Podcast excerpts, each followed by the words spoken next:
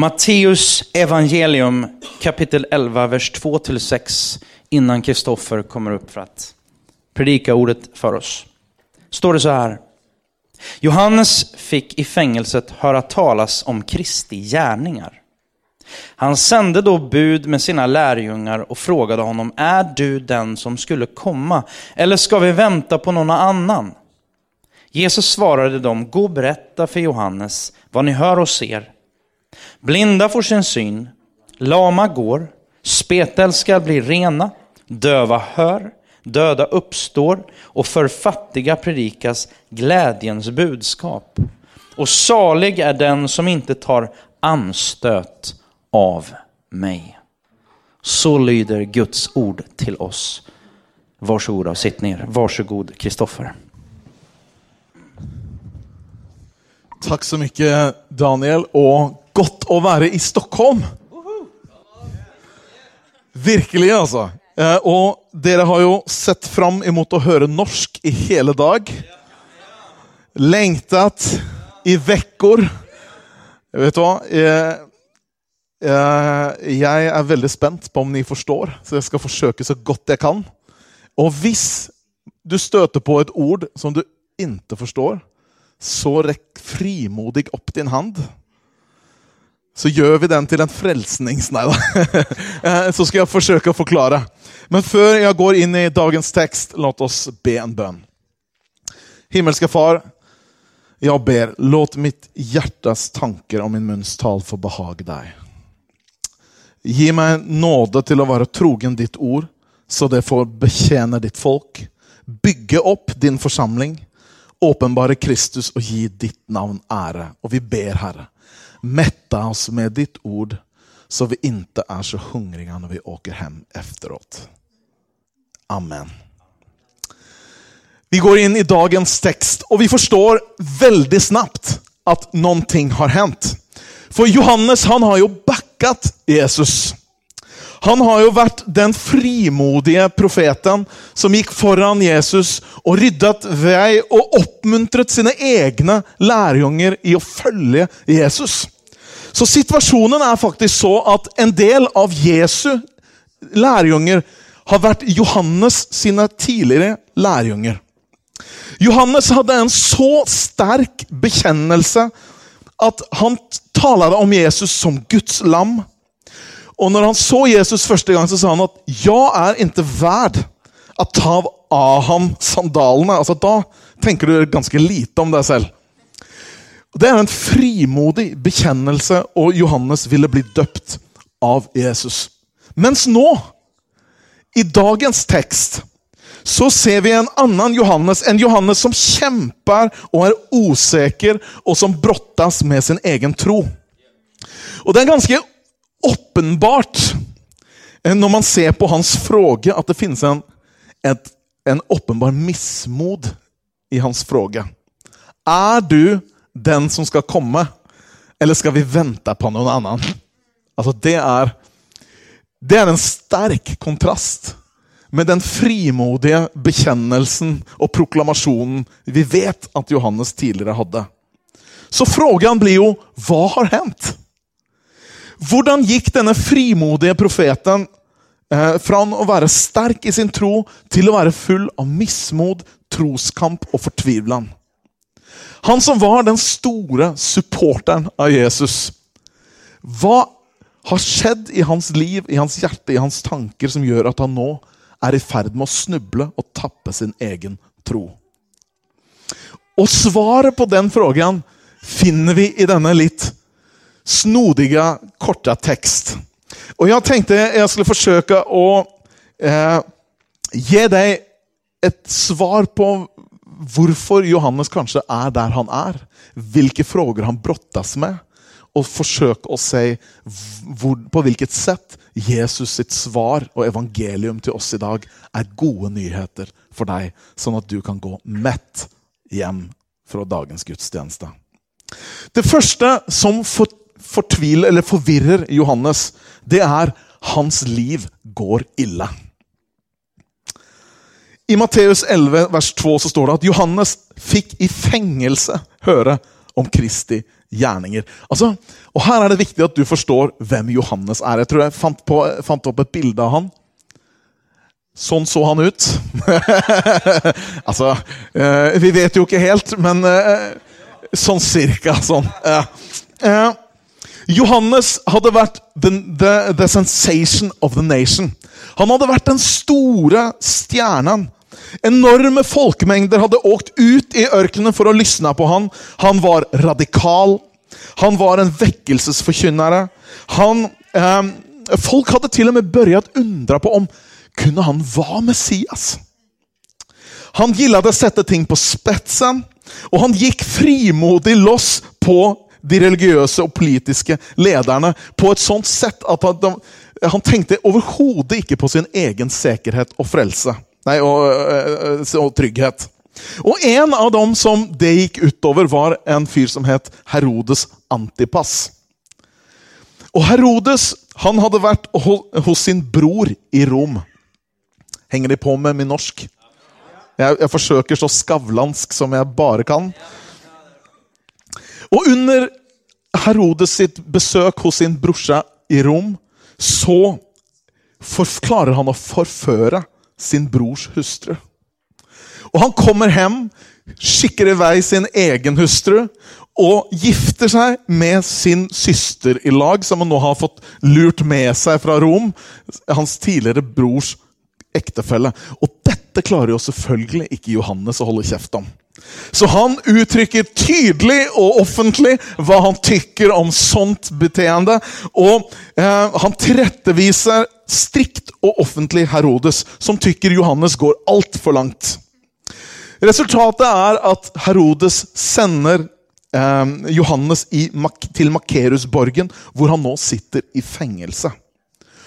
Og I løpet av kort tid blir den store hjelten, den store folktaleren Johannes, sakte, men sikkert glemt og irrelevant. Og folket finner en ny hjelte, Jesus fra Nasaret. Og nå sitter Johannes i fengelse, og han tenker Vent deg lite nå! Altså, om du er Messias, the one, og jeg har tjent deg, hvorfor går det så illa med mitt liv? Henger du med? Jeg har ryddet vei for deg, jeg har sendt mine lærjunger til deg, og nå sitter jeg i fengelse. Og hvis du er Guds Messias, hvorfor er mitt Why does my life suck? Hvordan kan jeg tro på deg i lys av alle de tragedier som drabber mitt liv? Det er det første. Johannes brotter med. Det andre som gjør Johannes usikker på hvem denne Jesus kan være, det er en litt mer subtil sak. Men det er at han begynner å ta anstøt av Jesus. Og Jeg vet ikke, jeg spurte Daniel om, om ni forstår ordet anstøt. Har de det? Ja. Anstøt det er å falle, å falle, altså ta anstøt av noe. Det er å falle ifra på et sånt sett at du ikke kommer deg opp igjen. Og Jesus ber Johannes ikke ta anstøt av han, fordi han forsto at dette faktisk var Johannes sitt dypeste problem. I teksten står det Johannes fikk i fengelse høre om Kristi gjerninger, og han gilla det inte det han hørte. Og Da kan vi jo fråge hva er det han reagerer på? Jo, emosjonelt reagerer han på at det går så ille med hans liv når Jesus kommer for å bringe seier. Men intellektuelt så finner han det Jesus forkynner, så støtende og provoserende. Og jeg tror at det på mange måter oppsummerer vårt, vår tids problem med Jesus også. Hvis jeg åker hjem til Oslo, og du åker hjem til dine granner her i Stockholm, og du spør dem, så vil veldig mange si hvordan kan jeg tro på Jesus når det er så mye ille i verden? Eller hvordan kan jeg tro på en kille som kommer med alle disse påstandene og kravene? Bare tenk på jeg er den enda veien til Gud. Altså, Kan du ikke tale litt om kjærlighet? Måste, du komme med sånne anspråk? Hæ? Han, han, han taler som om han har et form for anspråk på ditt liv. Som om han har en definisjonsrett på sanningen.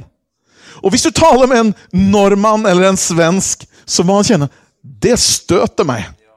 Det er krenkende at noen utenfor her skal gjøre anspråk på mitt, mitt liv. På min verd. Johannes steller den frågan som alle moderne mennesker steller. Hvordan kan jeg tro på en Messias når det går så mye skit i mitt liv? Hvordan kan jeg tro på en som kommer med så urimelige anspråk på mitt liv? Og Det fantastiske med Jesus det er at når Johannes kommer med sin fråga, så, så er ikke Jesus sin respons Ah, Johannes, you disappoint me. Jeg blir besviken. Men han, men han svarer Johannes på sin fråga. Og Jeg tenkte at vi skulle titte på en, et par saker. Det ene vi skal titte på, det er hva vi kan lære av Johannes sin fråga. Hva kan vi lære av Johannes sin fråga? For det første at du ikke kan forstå deg selv innan du har forstått hvem han er. Veldig mange mennesker forsøker å finne ut om Jesus er den han sier at han er. Men likevel angriper det frågan på en helt annen måte enn Johannes. Og Jeg skal forsøke å forklare hva jeg mener med det. Johannes han har et stort problem. Han sitter i fengelse. Han har vært killen som gilla friluftsliv. Henger du med? Han hadde sikkert vært på Animal Planet. På ut, ut, en av de der killene som flyr rundt og gjør alt mulig. Altså, han kler seg i kamelhår, han gillar friluft, han har bare friluftsmøten. Eh, og nå sitter han inneklemt i en liten celle. Men når han kommer til Jesus med sin fråge, så sier han ingenting om sitt problem. Han sier ikke 'Hvis du er the one, så få meg ut herfra, så vil jeg tro på at du er han om'. Henger du med? Han sier 'Er du han om'? Er du den vi venter på, eller er du ikke den vi venter på? Kommer du ihåg de, de to tyvene som korsfestes sammen med Jesus? Den ene tyven han sier, 'Hvis du er Messias, så frels deg selv og oss'. Bevis at du er den vi venter på, ved å løse mitt problem. Så vil jeg tro. Ser du det? De fleste av oss kommer til Jesus med problemene våre først. Vi vil vite om Jesus vil gi oss det vi trenger, så vi kan leve, leve de livene vi vil leve. Jeg skal gi deg noen eksempler. Noen sier ah, 'Jeg sliter med mitt ekteskap'. Og nå funderer jeg på å skille meg. Eh, hva er det kristne synet på skilsmisse? Vil Jesus støtte meg i mitt valg? Henger du med? Eller 'Jeg har problemer med min. Eh, det har ikke gått så bra som jeg hadde hoppet, og jeg kjenner, meg, kjenner at jeg har ikke lykkes. Hvis jeg kommer til Jesus, vil han gjøre så at jeg kjenner meg bra igjen. Eller brennhett i vår kultur. Ja, homofil. Ja, vet, jeg må vite får jeg støtte eller blir jeg fordømt hvis jeg kommer til Jesus. Hva er det kristne synet på homofili? Og frågan er hva er Jesus sitt svar på de tre frågene? Og just i dag er mitt svar på det at han sier verken ja eller nei. For det er fel fråga.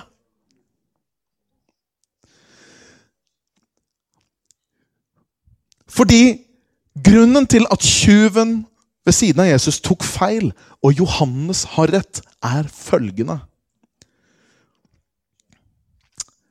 Tyven sier, 'Jeg vil vite hva du vil gjøre med min situasjon' innan jeg gir mitt liv til deg. Jeg vil ta min avgjørelse på om du er Messias ut ifra om du gir meg den støtten jeg vil ha. Og om du gir meg løsningen på mine livs problemer. Med andre ord så sier de Du kan være min Messias hvis du hjelper meg å leve mitt liv som jeg vil ha det. Men Johannes stiller en annen type spørsmål. Han sier, 'Er du honom?' Merker du skillnaden på det? Ikke 'jeg sitter i fengelse, hva har du tenkt å gjøre med det?' Og hvis du gjør noe med det, så vet jeg at du er honom. Er du honom? Og Grunnen til at Johannes har rett og tyven feil, er ikke fordi Johannes er mer åndelig, men fordi han er mer fornuftig. Problemet er at tyven og alle som stiller sånne typer frågor, antar at de redan vet hur de skal leve sine liv. Hvilke de dypest sett er. Hur verden burde være. Innan de vet om han er den han sier at han er. Og min fråge den her, og tekstens fråge til oss den her eftermiddagen er Hvordan i all verden kan du vite hvem du er? Og hva du trenger innan du vet om du er skapt med en avsikt i Guds bild, eller om du bare er en resultat av en slump. Johannes forstår at hvis du ikke er honom, så er det endaste som kan gjøre meg lykkelig i mitt liv, er at jeg blir fri. Men hvis du er honom, så kommer alt du ber meg om, bare til å være en liten bagatell hjemført med hva du er for meg. Alt du sier, vil være rett for meg vil være ufatt... Alt, alt han sier er rett for deg, vil være ufattbart klokt, ubeskrivelig praktisk og absolutt rett. Tenk på det. Johannes sin fråge lærer oss med andre ord at vi er idioter om vi tror at vi kan forstå hva som er best for oss, hva som er rett for oss, og hva som er galt med oss, innan vi vet om han er den han sier at han er. Det er derfor det er helt ulogisk å si Hvis du er den du sier at du er, så la meg leve mitt liv som jeg syns er best. Skjønner du? Altså det, det, er helt u, det er helt ulogisk å si. Johannes hjelper oss å forstå at alle ting starter med frågan Er du han som skal komme? Han forstår at før han fatter det, så fatter han egentlig ingenting. Og det forandrer svaret på den frågan forandrer eller endrer hans syn på fengelse, lidende, ekteskap, seksualitet, forfalterskap. Alt endres i ljuset av den frågan. Derfor gir Jesus en fantastisk svar på Johannes sin fråga. Han gir ham dypest sett to svar. Han sier, og jeg håper du får med deg dette her man, Hvis ikke du forstår min svorsk, please raise your hand, sånn at du får med deg dette. Han sier, 'Du vil ikke vite om jeg er den jeg sier at jeg er, før du kjenner mitt anstøt.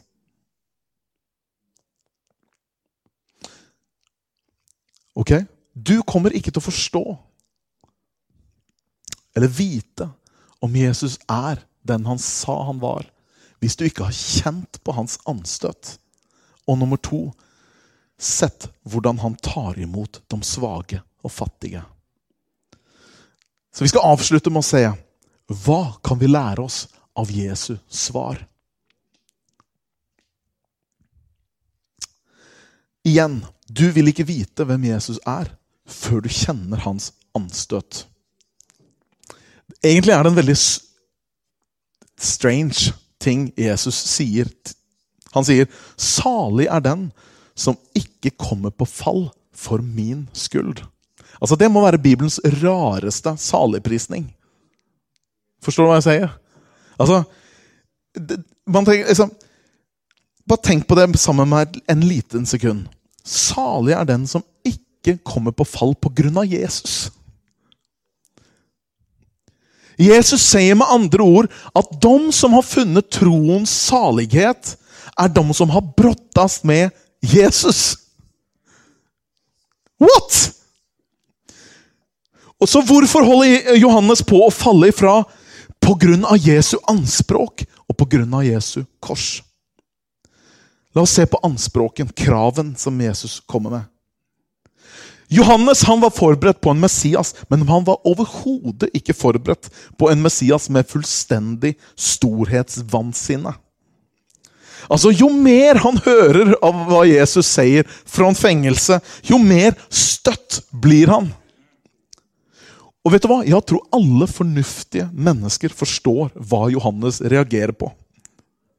Bare hør. Ved et tilfelle så sier Jesus 'Jeg er'. Og jeg var innan Abraham var til. Altså, han gjør anspråk på en evig eksistens. Altså, hvem er det du tror du er?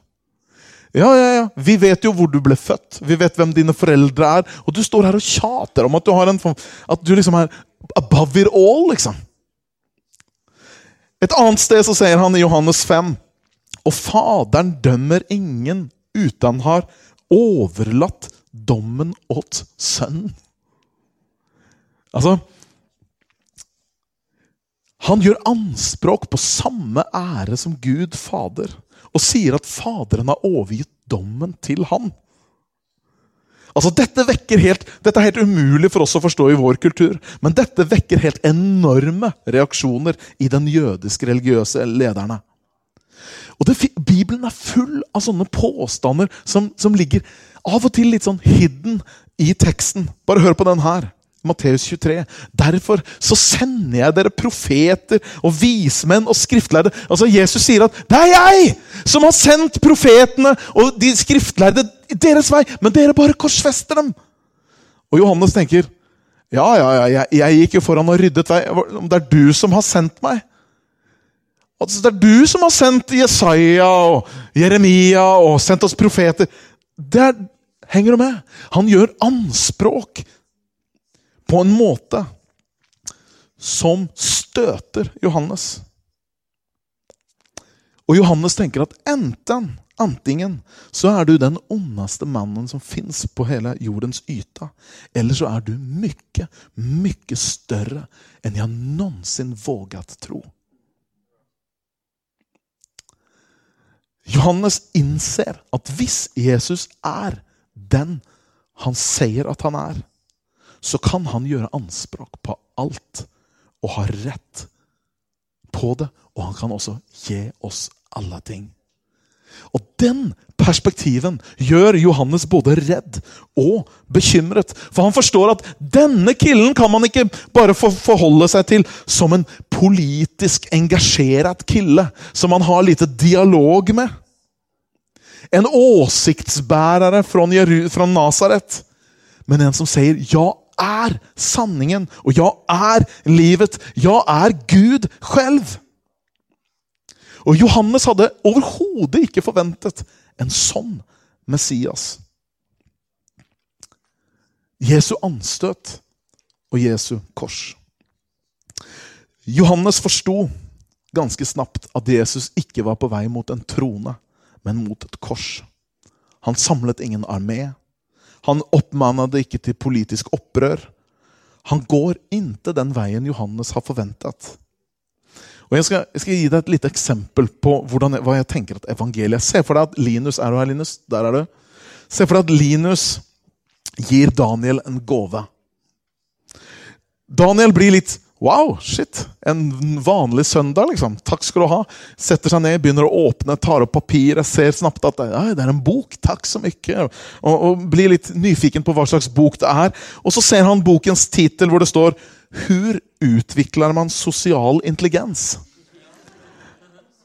Og da, da kjenner man jo direkte ja, ja. Thank you. Hvorfor denne fantastiske gava til, til, til akkurat meg? Og Linus sier fordi du behøver det. Altså, forstår du? Noen gaver kan man ikke ta imot uten å samtidig eh, erkjenne at man er to totalt socially retarded. Korset er en krenkende gave. For korset sier at du er så forlorad og så hjelpeløs at bare Guds egen sønns død kan redde deg. Altså Det er helt umulig å si ja takk til en sånn gave uten å samtidig erkjenne at man er fullstendig forlora, hjelpeløs syndere som trenger nåde, og bare nåde. Og Det er derfor Johannes blir så sier han, forulempet. Men da sier Jesus, 'Bra, Johannes. Du er på rett vei.' For hvem er det som virkelig får kjenne når, For hvem blir evangeliet en livsforvandlende kraft? Jo, de som har brottas med Jesu anstøt. Brottas med Jesu gave til oss. Så Jesus er glad for at Johannes blir forulempet. Og han sier på mange måter, ikke la deg lure til å tenke at Jesus bare er a teacher of love. Som kom ned for å lære deg å elske deg selv som du er. Og lære deg å elske andre som de er. Og så, jeg mener, hvem ville Hvem ville korsfeste en sånn type? Jeg spurte, jeg spurte Daniel altså, Who would crucify Ernst? Altså, hvis Jesus bare er en trevlig snubbe liksom, som gilder eh, liksom, mys Altså, Hvem er det som korsfester en sånn kille? Hvis Jesus bare var en sånn eh, Hvis bare Jesus gikk rundt og bare alt var love, love, love, love Hvis ikke det var et anspråk Hvis ikke det fantes en Åh! Henger det på? Det er bare dem som har oppdaget at Jesus ikke bare er en mysig kille, men at han er Guds endaste sønn, som kan oppleve at evangelium blir et livsforvandlende kraft i våre liv.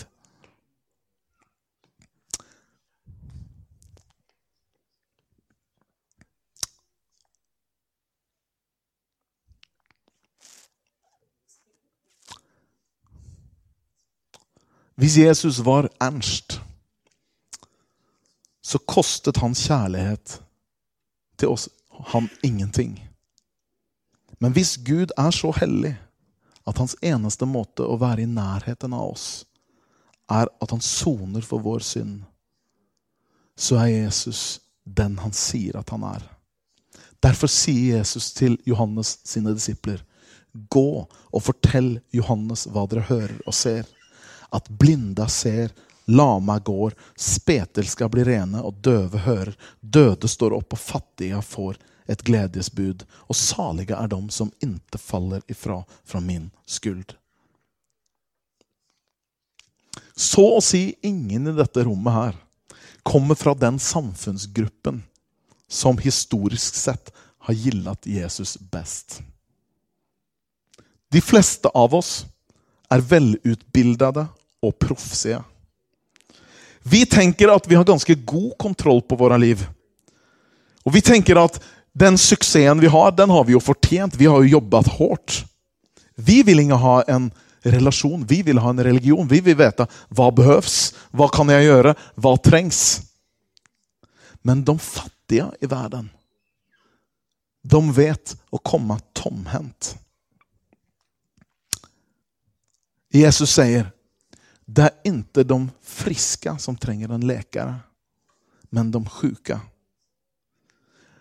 Derfor, sier, er, derfor er Jesus svar til Johannes så skjønt. Han sier, 'Kom, du som forstår at du er så blind.'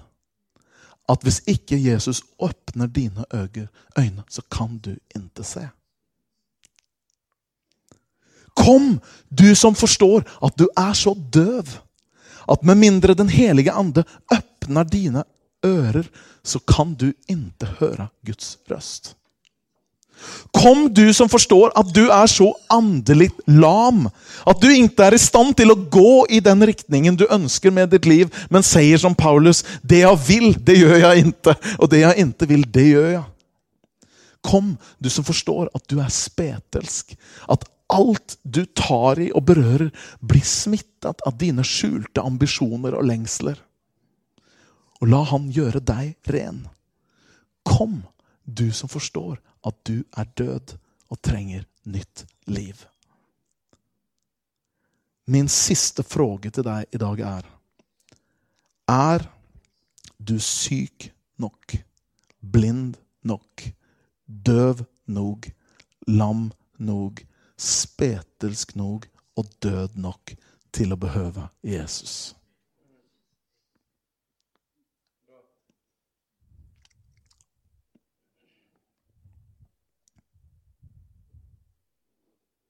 Det er Jesus svar til Johannes. Johannes, er du blind nok til å forstå at du ser ikke hvis ikke jeg er den jeg sier at jeg er? Skal avslutte med å lese et kritisk punkt i Jesus' liv med lærjungene i Johannes 6. Det står mange av hans lærjunger som hørte han tale, sa det her er utherdelig, det han sier. Hvem står ut med å høre på honom? Jesus som genast forsto at lærjungene eh, førargade seg over hans ord, sagde til dem, får det her er at vakle. Videre står det, det er derfor jeg sagde at ingen kan komme til meg om han ikke får det som en gave fra Faderen. Da drog seg mange av hans lærjunger tilbake og ville ikke lenger følge med honom. Og Jesus sa til de tolv, inte vil vel ni også gå er vei? Simon Petrus svarade, Herre, til hvem skulle vi gå?